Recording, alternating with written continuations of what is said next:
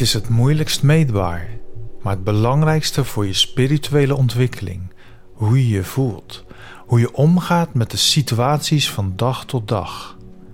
Sta je open voor nieuwe inzichten en inspiraties en kun je in de spiegel kijken en van jezelf houden.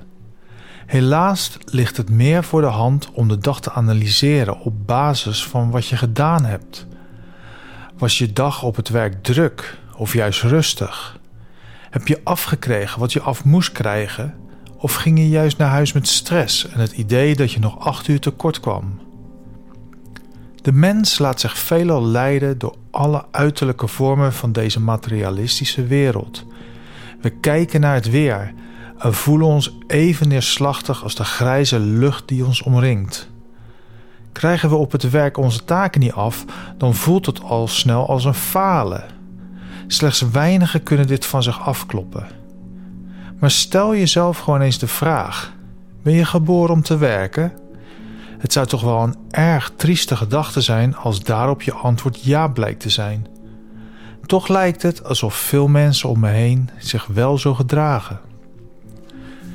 Het heeft mij lang geduurd om te realiseren dat de uiterlijke omstandigheden er eigenlijk niets toe doen hoe ik me mag voelen.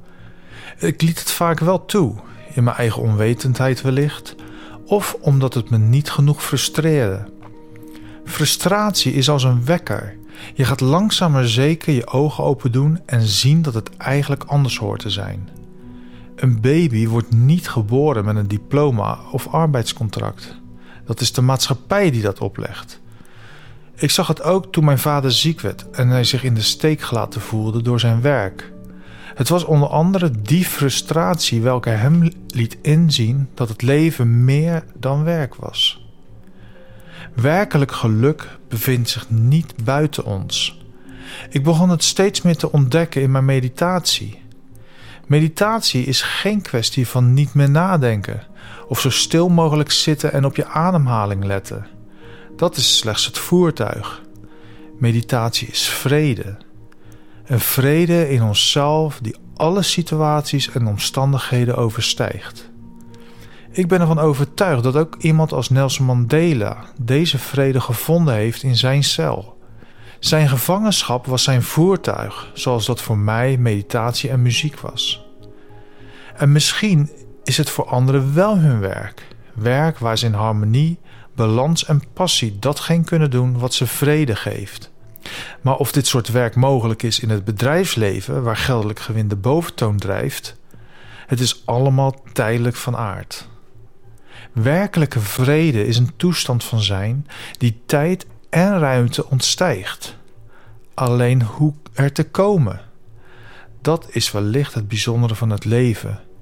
Dat we door alle omstandigheden, alle stress, zorgen en ziektes toch in staat zijn die vrede in onszelf te vinden. Niet ondanks de omstandigheden, maar dankzij de omstandigheden. Want het zijn juist de moeilijkheden, de uitdagingen en onze medemens die ons de kans biedt vrede in onszelf te vinden. Het enige wat je dient te doen is jouw voertuig vinden. Maar wellicht zit je daar al middenin en besef je nog niet dat het juist dit voertuig is wat je richting de vrede brengt.